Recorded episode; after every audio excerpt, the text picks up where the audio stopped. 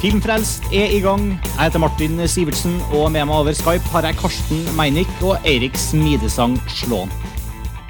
I dag skal vi prate om eh, den østerrikske filmen Revansj. Ich weiß nicht, was er will sprechen, hat er gesagt. Du hast Ziele. Bestimmte Vorstellungen im Leben, habe ich recht? 30.000. Dollar.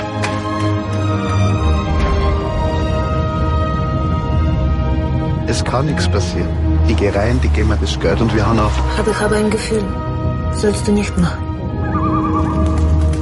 Wo ist er denn, der Freund? Muss einkaufen. Revansj.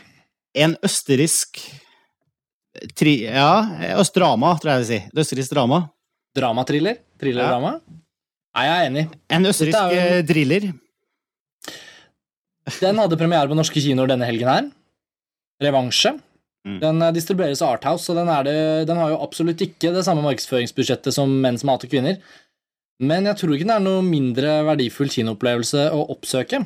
Eh, Martin, du og jeg, vi har sett den. Vi har sett den. Og eh, Nei, absolutt ikke. Jeg syns eh, Jeg syns Jeg likte den bedre enn Menn som heter kvinner. Rent personlig. Ja, jeg likte den også veldig godt. Nå blir vi jo selvfølgelig kjedelig enige her, men, men det er jo en film som Den var Østerrikes eh, kandidat til Oscar for beste fremmedspråklige film i år, og den ble nominert til en Oscar. Mm. Det er jo ikke så verst i seg selv. Og I tillegg så vant den hovedprisene på filmfestivalen i Tromsø i januar. Og den er tatt inn til distribusjon av et ærverdig DVD-selskap i USA som heter Criterion, som for første gang på årevis skal slippe en film på kino. De distribuerer jo vanligvis titler kun på DVD. Så for de som har fulgt med, så har jo denne Revansj vært en ganske interessant tittel i månedsvis. Og nå er den altså i Norge, og det er en kjempeanledning. Og jeg gledet meg veldig til å se den. Og jeg ble veldig positivt overrasket fordi den var solgt veldig som en thriller.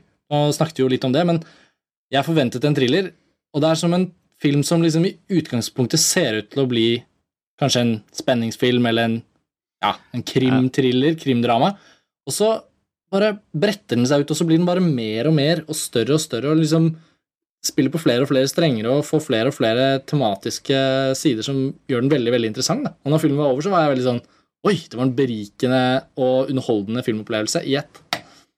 Ja, verken, eh, verken plakaten eller uh, åpningssekvensen sånn, indikerer liksom den superrå thrilleren. Men jeg, så, jeg, helt i denne, jeg satt liksom i de første scenene og forventa meg at jeg kanskje skulle utvikle seg til noe, nesten noe sånn uh, pusheraktige ting, eller et eller annet sånn i den retninga, liksom. Men uh, Noe litt skittent, i hvert fall. Ja, ja, Østerrike var- er jo et litt skittent land, føler jeg. Eh, Med all respekt til alle som er glad i Østerrike, men med disse krimsakene og disse politikerne, så føler man jo at Østerrike, der er det et land som eh, murrer under overflaten. Og de har jo Haneke. De har jo flere regissører som lager ganske mørke, mørke ting. Så denne filmen begynner med et sånt univers som man virkelig tenker at ok, her går det nedover i spiral, og vi befinner oss i et prostitusjonsmiljø i Wien. Hovedpersonen er en litt sånn taperaktig fyr som jobber som en slags sånn hjelpegutt. Han er ikke en gutt, han er en mann. Han er jo omtrent 40, kanskje, men han jobber som en hjelpefyr på et bordell. Han er sånn minipimp. Litt minipimp. Altså, han, vet du, han minnet meg faktisk litt om hovedpersonen i Fargo. Du blir veldig glad i han, men du ser at han gjør alt feil. Ja, Tenk liksom åh, du er en fin fyr, og du vil godt, men dette går ikke helt din vei. Jeg syns det er sånn utseendemessig han minner meg om en sånn blanding av eh, han eh, som spiller i uh, Trainspotting. Han eh, Carlyle, Robert Carlyle? Ja, og, Ja. og Tommy Lee Jones. En slags blanding av dem to. jeg sitter Ja. og tenker på det hele tida, men uh, Jo, nei, eh, ja. Men, men hva syns du om filmen etter hvert som liksom eh, kom seg ut av dette litt skitne bordellmiljøet i Wien? Ja, og flytta rett og slett ut på landet. Rett og slett. Og eh, det er jo en sånn eh, Veldig sånn eh, be, Skulle si film som er lagt mye lokk på, føler jeg. Det er liksom veldig ned på jorda på en måte. Veldig sånn enkelt, egentlig, rent sånn handlingsforløp. Det er mye stillhet, og det er relativt lite dialog, og det er mye Det er, det er liksom Det er litt Arthouse, for å si det sånn. Den er, den er ikke, ikke overveldende. Den er mer veldig i realismesjangeren, hvis du kan si det. Det jeg likte veldig godt, var at den, den fikk frem den realismen du snakker om. Jeg er helt enig i at den hadde absolutt et sånt veldig sånn nesten sånn naturalistisk nærvær i de scenene den, den presenterte. Mm. Men det, var, det, det synes jeg var interessant løst, da, for det var, det var en film som hadde et veldig bevisst forhold til hva slags bilder den skulle bruke til å fortelle det den skulle fortelle. Mm. At uh, hovedpersonen går gjennom en del traumatiske ting omtrent halvveis ut i filmen, og da befinner han seg på bondelandet. Og så har han en gammel bestefar som han egentlig ikke er så interessert i, men som han på en måte må bli interessert i, og han tar inn der og begynner å hugge ved for han. Og da vet vi at det er veldig mye som foregår inni hodet på personen. Ønsker om revansje, ønsker om hevn. Men han vet ikke hvordan han skal ta det ut, og da la, prøver ikke filmen heller å messe opp stemningen og sette i gang ting og klippe raskt og, og liksom lage action som ikke fins, da. Men da får vi heller tid og bilder til å være med han i hans liksom utpønsking av hvordan han kan få reagert. Jeg synes det var så tøft hvordan de hadde gjort det på en veldig sånn realistisk måte, da, som vi følte hele tiden at filmen var på vei til å eksplodere, fordi han som karakter ikke kunne klare å holde dette inne. da. Altså, de, ja, og nesten de mest tydelige ja, De er jo veldig kule i scenen hvor han står og hugger ved. Og Vi føler liksom at hånden hans kommer til å bli kappet av den her vedkutteren hvert Ja, ja. Han ser ut som han skal hugge gjennom hele hoggstammen og eh, liksom hu- hugge seg til Kina. Jeg liker veldig godt når filmer klarer å bygge scener som gir oss følelsen som karakteren har, men at det ikke nødvendigvis trenger å bli tatt ut av liksom eh, vold og veldig åpenbare liksom, virkemidler. Da. Men han, han må, må bare få hugget fra seg, eh, bokstavelig talt, det han har av smerte. Ja, nei, den, den sier veldig mye uten å, uten å si det rett ut, og det, det var veldig kult. Og, og i tillegg så er eh, selve historien mildt, mildt usannsynlig, men eh, ikke verre enn at du faktisk eh, til slutt går med på det og, og, og syns det er fascinerende, det som skjer. Og det, jeg vet ikke, jeg, jeg, syns, jeg, syns den var, jeg syns den var veldig spennende å se på, til tross for at, at den var rolig og, og treg i, i, i stilen. Ja. Hva, hva, Eirik, du har jo ikke sett den, da, men eh, får du noen Hva slags type film har du forestilt deg at dette er, egentlig? På basis av plakater og trailere. Ja, Eh, egentlig en thriller, faktisk. Den der lavmælte tingen har ikke helt fått med meg, faktisk. At den er så rolig. det har ikke jeg skjønt. altså, tittelen er vel eh, Ja. Den, Ja, det, altså, jeg, jeg, nettopp. Altså, jeg ser jo for meg noe helt annet enn det dere Men, snakker om nå. men det, er ikke, det er like mye revansj-hevn som det er revansj som du ber om når du nettopp har takt i sjakk og ber om et nytt parti, liksom. Ja, det Det- var, noen, det det, er var en på det er like Twitter som sa det veldig pent. Som sa at det er en veldig god grunn til at denne filmen ikke heter Hevn, men at den heter Revansj. Og det er det faktisk. Ja. Det er jo en forskjell. Mm. Eh, Jeg syns det var veldig, veldig godt formulert om hvorfor denne filmen eh, nettopp da kanskje også ved hjelp av en liten sånn nyanse skiller seg vekk fra sånn typisk det som ville vært kanskje en amerikansk hevnfilm. da. Det er liksom ikke Mel Gibson, revansj. Ja. Revenge! Revenge, vil han si. Han har jo spilt i den filmen, den heter Payback. Ja, nettopp. Men det, det er det jo absolutt ikke. Så Nei, det er jo ikke det. Men eh, eh, regissøren av denne filmen vil jeg bare nevne kort, for han heter Guts Spielmann. Det Ganske morsomt navn, for så vidt, til å være regissør. Guts Spielmann. ja, har du noe kjennskap til han- eller? Eh, Nei, egentlig i utgangspunktet er det jo ikke noen grunn til at jeg skal ha kjennskap til en litt sånn obskur østerriksk eh, regissør, men hvis man besøker filmfestivalen i Tromsø ofte nok, så kan man komme over de rareste, merkeligste ting. Og for noen år siden så gikk jeg helt uvitende inn på en østerriksk film i programmet som het Antares, som da viste seg å være regissert av Guts Spielmann. Det ble jeg minnet på da noen år senere. Men det var en veldig veldig spesiell film. Jeg vet ikke om jeg egentlig likte den så godt som helhet. Jeg tror ikke jeg ville anbefalt den, og den dukket jo aldri opp, aldri opp i distribusjon i Norge, sånn som Revansj har gjort. Men det var en veldig spesiell film hvor du følte at det var et eller annet særegent som foregikk. Én ting var at filmen hadde veldig eksplisitte sexscener uten å dyrke det. Altså Den hadde liksom scener av mennesker som hadde sex sånn som mennesker har det, i et stort bilde, uten klipp, uten Nei, du fikk nei liksom bare forholde deg til det. Ja, æsj, huff. Nei, det vil vi ikke ha. Nei, men Så det var ganske sånn derre Oi! Og det skjer jo ofte på festival. Du setter deg og ser en eller annen film, og så blir du bare slengt litt midt i fleisen en eller annen drøy scene, om det er vold eller sex. Men uansett, så den gjorde litt inntrykk, da, selv om jeg ikke likte den så godt.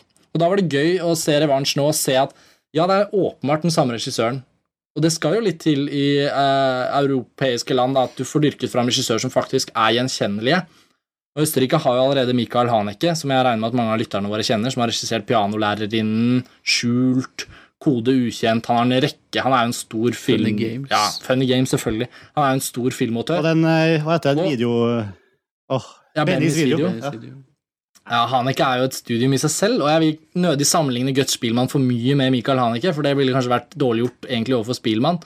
Men han er utdannet ved Filmakademiet i Wien, hvor eh, Haneke er lærer. Og det er interessante paralleller, bortsett fra at det virker som Spielmann har mye større tro på, på menneske, menneskesjelen. da. At han har litt varmere forhold til karakterene sine. Altså, jeg må jo si, jeg, jo jeg, jeg ble ikke like satt ut av den filmen her som jeg er blitt av mange Haneke-filmer. Som, jeg, som, Nei, bare helt, som jeg bare har tatt helt inntil meg, liksom. Uh, ja. Nettopp.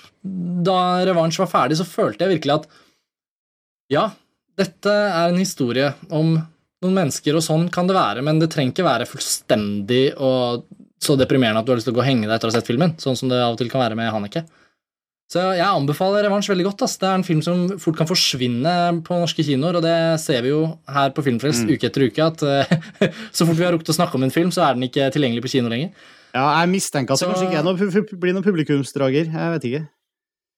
Det, det, det ser ikke sånn ut på meg, men uh, jeg vet ikke hvor mye Nei, det har jo mye med å gjøre med hva slags presseomtale den får òg. Jeg, jeg er usikker. Ja, det er klart. Jeg vil i hvert fall anbefale den veldig varmt da, hvis noen syns det er gøy å oppdage en film hvor de absolutt ikke vet noen ting, hvor de ikke kommer til å kjenne igjen et eneste ansikt, kanskje ikke byen eller eh, bondelandet den foregår i, og virkelig liksom forsøke å faktisk helt oppdage en film. da. Nå har vi jo snakket litt om den, men uansett, Mm. så ville jeg anbefalt denne filmen her veldig, for den er ikke sær liksom i seg selv. Den har en veldig forståelig, veldig Ja, ja. sterk historie. Det er ikke noe vanskelig film. God, god og enkel og veldig fokusert, føler jeg. Altså, går veldig rett på ja, det, det er liksom det, det er ikke noe intrikat plott, egentlig. Det er veldig rett, rett frem, og det handler om eh, handler om store ting fortalt på en, på en liten og treffsikker måte. Det var en veldig bra oppsummering, syns jeg. Det var fin. Yes. Det er veldig bra. Men, em, har du sett noen gode filmer i siste? Nei, Karsten og jeg ser jo bare kortfilm om dagen, for vi er jo, Karsten og jeg er forhåndsjury på internasjonalt kort til Grimstad. Så vi ser eh, 811 kortfilmer hver uke.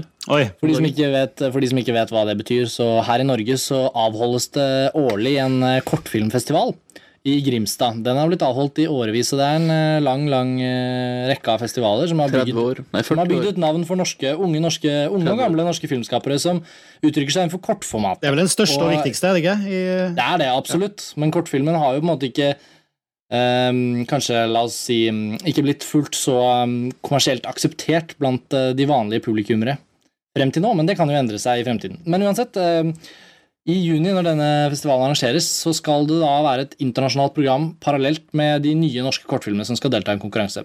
Og de internasjonale kortfilmene som skal vises, velges ut av Eirik og meg og sjefen for festivalen som heter Torunn. Så akkurat nå er det innspurt på det, og da er det kortfilm, kortfilm hele dagen. Hele kvelden, for på dagen så jobber vi med alt det andre med kortfilmfestivalen. Men, men det er sånn dere ikke kan prate om, eller er det kortfilmer som allerede er, Jo da, er jo da, jo lansert, eller hvordan eh, funker det?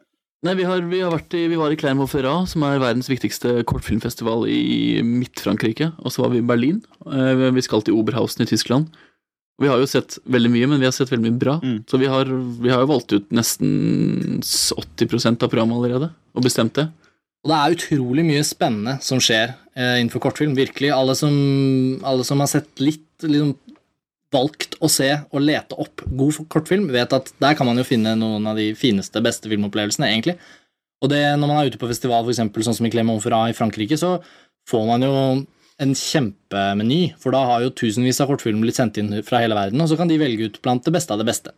Så vi har jo plukket noen skikkelige perler, mener jeg, som eh, kommer til å bli store opplevelser for de som har anledning til å komme til Grimstad i midten av juni og se både norsk og internasjonal kortfilm. Så det Men det er veldig, veldig spennende. hva med oss som ikke får eh, komme oss til Grimstad? Er det noe Altså, blir Hvordan funker Som vi, vi var jo inne på det her for en del eh, episoder siden, at eh, det må finnes flere måter å se kortfilm på nå enn å gå på filmfestival. Ja, det er jo flere og flere distribusjonskanaler på internett også. Altså Man kan se kortfilm på internett. Et tips kan være at man sjekker ut internasjonale programmet i Grimstad, og så søker man på nettet, så finner man jo faktisk, i hvert fall om kanskje et halvt års tid, så finner man de filmene også Mm. På forskjellige sånne betalingstjenester, iTunes, hva som helst. Og i disse dager så lanserer Kortfilmfestivalen også en ganske mye mer levende ny nettside for, sin, for sine ja, for brukere og lesere og folk som er interessert, hvor det skal oppdateres jevnlig med nyheter som eh, Eirik og jeg annet skal være med å skrive. Og der vil jo vi, kanskje også særlig etter festivalen, hjelpe lesere og brukere som ikke har kunnet komme til festivalen, å oppdage disse filmene på egen hånd hvis de har anledning til det. Og da, om vi da finner dem på nettet, så kan vi presentere dem eh, på ny. Så eh, internett er jo virkelig redningen for kortfilmformatet. Men, men, ja, men også, for det ligger vel ikke noe penger i kortfilm, gjør det? Sånn, eh, sånn inntektspotensial for, for de som lager det? Er det, er det, det er ikke noe Det er vel en Jeg vet ikke. Er det, er det noe forretningsmodell på- for det er jo faktisk blitt sånn siste årene at det er faktisk nesten Det er faktisk blitt mulig å tjene penger på kortfilm. da De siste årene Vi jobber for å ha et seminar i Grimstad som handler om akkurat, akkurat det. Ja. Hvordan tjene penger på kortfilm. Det er faktisk mulig. Ok, ja, for, jeg- for jeg ville jo utslutte at det hadde vært en god idé og, altså etter at en sånn festival var over, at du kunne faktisk gå på og, og, altså at det, Skulle du være med på festivalen, så lot du altså at festivalen kunne legge ut filmene for, eh, for streaming eller nedlasting eller sånn når festivalen var over, og at du fikk se det Men de eies jo ikke av festivalen, vet du. De eies av uh, produsenter og regissører og Mm. diverse. Det er jo problemet. Det er en veldig stor utfordring som, eh, som jeg tror Kortfilmfestivalen griper tak i nå, og forsøker å komme i forkjøpet så fort som mulig. Men i USA for eksempel, så har jo disse stegene blitt tatt for lenge siden. Og på uh, filmfestivalen i Sundance i januar, så ble uh, For der har de et internasjonalt Eller der er et kortfilmprogram, et konkurranseprogram. Og de filmene som deltok der, de ble lagt ut som åpent for nedlastning i amerikanske iTunes. det vet jeg godt, fordi jeg lasta ned. jeg. Ja, men under festivalen så var det mulig for amerikanske iTunes-brukere å se de kortfilmene som deltok eh, i Sundance. Når festivalen var over, så var det mulig å kjøpe disse kortfilmene. Og da hadde de jo allerede fått bygget et publikum ved å vise dem til, til de som var interessert først. Mm. Og når da ordet sprer seg videre, så har nye folk blitt interessert i å se disse kortfilmene, men da koster de penger, og da betaler de for det. Og da har du topplister, akkurat som på en topp 20 sånn VG-hitliste, så ser du hvilke filmer som er mest populære, og de filmene som er mest populære, blir jo gjerne de som folk som kommer for første gang, ser om igjen. Og det er jo enkelte filmer som kan vise til utrolige inntjeningsregnskap eh, fra, bare fra salget gjennom iTunes i USA. Og dette er jo ikke nødvendigvis bare noe som kan fungere i USA. I det øyeblikket vi får åpnet for salg av film digitalt gjennom norske iTunes, Åh, som bare må komme, og det er sånn jo forferdelig at vi ikke har det nå, da vil jo norske kortfilmskapere for eksempel kunne henvende seg direkte til en kjempeprofesjonell distribusjonskanal. Og det er jo egentlig helt fantastisk. sånn at eh, Og hvem har ikke opplevd det, at de sitter hjemme og jobber på datamaskinen og tenker nå skulle jeg bare likt å gjort noe annet i et kvarter og underholdt meg eller fått en liten impuls. Og det å kunne se en kortfilm sånn, det er jo helt glimrende, istedenfor å slå seg ned med to og en halv time av menn som hater kvinner Jeg mener, unnskyld. eh, eh, ja, ikke sant? Et eller annet Men, annet. men før Karsten snakker over seg, det vi kan, det vi kan si Fjorårets beste zombiefilm er ikke Død snø, det er en eh, tysk kortfilm, og det skal vises i Grimstad, for eksempel. Og den beste animerte dokumentarfilmen i hele fjor er heller ikke Walsum Bashir, det er en svensk dokumentar, kortfilm. Og begge de kommer til Grimstad, for eksempel. Nei, jeg, jeg synes jo det Jeg følger etter det du sier nå, Karsten. Jeg er jo helt, helt, helt enig i at eh, det der er en god diskusjon. Altså, det er helt skandale at vi ikke får, eh, får kjøpt film på får nedlastbar digital film på en god måte i Norge.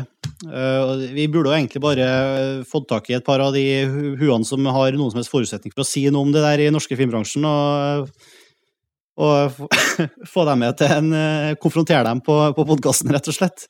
Hvorfor de ikke har pusha mer. Jeg vet ikke hvor Det er helt sikkert et kjemperettighetsvanskelig problem, og noe som kommer til å skje over hele Europa når det først skjer, altså. Men, men eh, nei, det er helt utrolig at det ikke, funker ennå. Den, Ja, den Nei, så vi må jo bare, vi som har litt fingrene oppi disse tingene her, får jo forsøke å gjøre noe med det. Altså, det jo- Og jeg tror Mm. Nei, ja. Skulle, det, er jo, det, er jo så, det er jo så Altså, jeg sitter jo her med en, eh, med en amerikansk iTunes-konto og kan kjøpe ting på iTunes, sånn som amerikanere gjør. Og liksom, det er, det er en veldig, veldig veldig god brukeropplevelse. Så jeg kan sitte her og, og se I dag kan jeg sitte og se Milk og Australia og filmer som går på kino i Norge, kan jeg sitte og se i HD hjemme og betale for det. Da, det, og det, sånn, det, det funker kjempebra, rett og slett. Jeg kan også kjøpe dem og, og sånt. eh, og fortsatt er det litt sånn prisissues, men eh, det er ikke noe tvil om at eh, og I tillegg så er filmbransjen så bekymra for eh, piratkopiering. ikke sant? Hvis de klarer å få filmene tidlig ut til oss med lave nok priser til at vi ikke gidder å gå på The Pirate Bay, så tror jeg det er eh, det piratkopieringsprogrammet i stor grad vil forsvinne av seg sjøl. En fremtidig eh, filmfrelst podkast-virkelighet så kan jo vi snakke om en film, og så kan vi peke brukerne våre direkte til filmen, Mm. istedenfor at noen som kanskje lytter til denne episoden i dag, vil være fristet til å lete etter filmen fordi de får ordentlig lyst til å se den, men de har ikke anledning til å se den på kino fordi de bor i Okkestad, ikke sant? Mm. Da er det jo helt utrolig synd at ikke man kan tilby dem filmen i iTunes, perfekt kvalitet, rask nedlastning, ikke sant? Men at de isteden må gå andre veier, bare fordi de har så lyst til å se filmen. At forbrukere blir straffet fordi de er interessert, det er jo forferdelig. Jeg leder meg jo en film eh, nettopp på den måten her, i HD, på, på Apple TV-en min. Au Australia. Den går jo på kino i Norge nå. Ja, den har vel ebbet ut av kinosalen. Kommer snart på DVD, men den har akkurat gått på kino. Den, ja, i så, ok, Da gikk den på kino i hvert fall eh, forrige helg, eller noe, i hvert fall veldig nylig. Ja, ok, ja. Um, Men hvordan kan du se det her, Martin, og ikke alle vi andre? Det lurer jeg på. Eh, ja, vi, eh, det, du må rett og slett bare kjøpe deg Skal sørge for å ha en postadresse du kan bruke i, i en amerikansk postadresse når du registrerer. Og det får du. Jeg fikk min ved å gå på jetcarrier.no, som er en sånn mailingtjeneste som gir deg en PO-boks, rett og slett.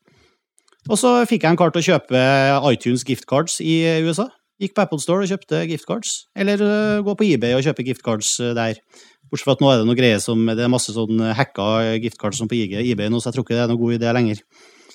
Fordi at Apple skrur av de hacka giftcardene og stenger kontoen din og sånn. Men eh, siste gang så kjøpte jeg liksom 200 dollar Jeg fikk en kar til å kjøpe 200 dollar eh, giftcard for meg eh, i USA, og så har jeg liksom fylt opp kontoen min med det.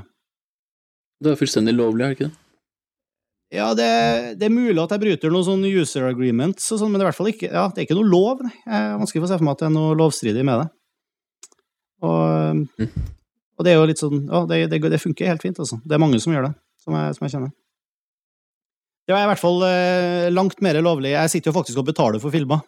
Og, eh, Ja. og betaler til eh, folkene som sitter med rettighetene, så det, hvor gærent kan det være?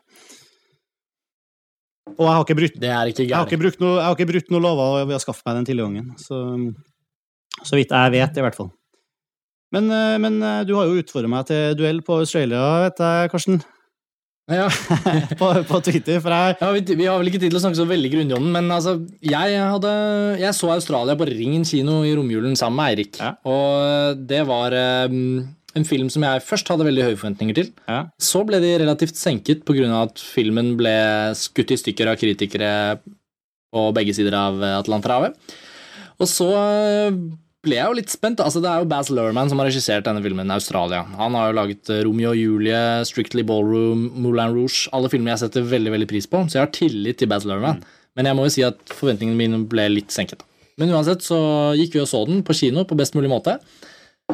Og da, Jeg ble bare så positivt overrasket, da, for jeg syns filmen hadde så mye for seg. Ja, den, den liksom Den bare Den hadde så mye den ville gi, da. Den hadde så mye på hjertet. Og jeg sier ikke at den er feilfri. Den, den, den har eh, ja, Et og annet sted så sparker den litt støv, og så blir det litt sånn haltende, liksom. Men hovedsakelig syns jeg var en skikkelig sånn deilig, gammel, episk filmopplevelse som man får altfor sjelden. Og jeg syns den var morsom. Jeg syns Nicole Kidman gjør en interessant rolletolkning, fordi man forventer noe helt annet av henne, og så har hun liksom humor, og hun er liksom litt selv... Altså Hun skjønner at hun er litt prippen dame, og det er mye sånne morsomme, morsomme vrier, da. Og så forandrer jo filmen seg underveis, og så får man et mye mer rørende drama, nesten som en krigsfilm mot slutten. Jeg var med, altså. Jeg var skikkelig med. Så da du Ja, du kan jo si hva du skrev som gjorde at jeg reagerte. Ja, nei, Jeg husker ikke nøyaktig hva jeg skrev, men uh, jeg likte den i hvert fall ikke i det hele tatt. da. Jeg synes, For meg det var, jeg syns det bare var smørje. Altså. Jeg, jeg, jeg skjønte at den, prøv, at den skulle liksom jeg, jeg, skjønner det, den skulle liksom være en sånn gammel, eh, hold, stor Hollywood-episk uh, grei, greie, men eh, eh, Og det var, det var det skal det var veldig mye fine, eh, store scener der. altså Mye fine, store naturscener. og men også mange scener som jeg syns var lyssatt på en så eh, perfekt og rar måte at jeg ikke, at jeg ikke svelga dem i hele tatt. Altså, det er mulig for at jeg ikke tok eh, den ironiske old school Hollywood cinema-greia de prøvde å, gi meg, men eh, hvis det var det de prøvde på, så føler jeg at det var en veldig forvirra film. For jeg, skjønte liksom ikke er det en, er det en barnefilm, eller er, og det viste seg at det var jo absolutt ikke det, eller er det en familiefilm? Og, det, og de her skurkene er så fullstendig overdrevet, særlig han ene karen. Han, jeg kjøper ikke han i hele tatt, hvis han ikke er en sånn gay, campy eh, familiefilmskurk, liksom. Og, men eh, Nei, jeg, jeg syns ikke skuespillet var noe særlig bra. Altså, hele åpninga er en eneste Crocodile Dundee-rip-off, ikke sant? Kommer hun fine, rike eh, dama til Australia inn i bushen, og så eh, karen som skal passe på, eh, slåss er liksom bare karen som slåss, eh, wrestler med krokodiller i baren, og han gjør ikke det, han wrestler ikke med krokodiller her, da, men det, det er en skikkelig sånn eh, Nei, jeg vet ikke. Jeg, Aboriginerhistorien var mildt interessant, liksom, men det skjedde så mye Men det er veldig sånn glansbilde, solbilde-postkort der, og som ikke belysa egentlig hvor problemene lå, føler jeg, bortsett fra den herre farskapshistorien. Nei, jeg, jeg, kjøpte ikke jeg, jeg klarte ikke den filmen i det hele tatt, altså. Det, ble- det ble bare tull for meg. Jeg har vel inntrykk av at det er ganske mange som er enig med deg, men jeg er veldig glad for at jeg likte den så godt. Eh, Jeg husker litt faktisk hva det var du sa. Det var så morsomt. Jeg tror det var på Twitter, var det ikke det? Ja. Og jeg mente at du sa at Australia burde ha blitt ja, var litt lang, burde ha blitt klippet ned med to timer og beholde de pene landskapsbildene. Det er jo Ja, det var, kanskje, ja, det var egentlig det jeg mente. det var noe i den dur. Ja. Jeg måtte jo le, da, for jeg skjønte jo hva du mente, men jeg er jo helt uenig. Jeg syns jo ikke Nicole Kidman var spesielt god der heller. Altså. Det, og hun pleier jo som regel å være veldig god. Så. Eh, Jeg syns det var så mye overspill, rett og slett. Det, det, det, Ja, men det er jo meningen, da. Den karakteren skal jo ja, men det gjorde seg godt i Moulin Rouge, og der kjøpte jeg jo den surrealistiske Men det ble så surreelt her, selv om det, er, det var kanskje ikke meninga at det skulle være surreelt. i den filmen. Jeg følte ikke at det var meninga, men at det ble det likevel. Da. Vi får, vi får være enige om å være uenige. Du har sett du og Erik. Du har ikke sagt noen ting?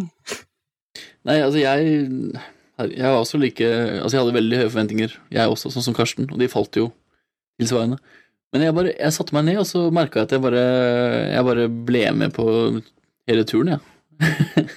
altså, det var selvfølgelig det var kaotisk, og det var campy, og det var overspilt til tider, og det var karikert, ikke minst. Det var stygt til tider. Veldig mye stygge sånne matte paintings og jævelskap. Det var stygt lyssatt flere ganger, men samtidig så var det bare veldig underholdende.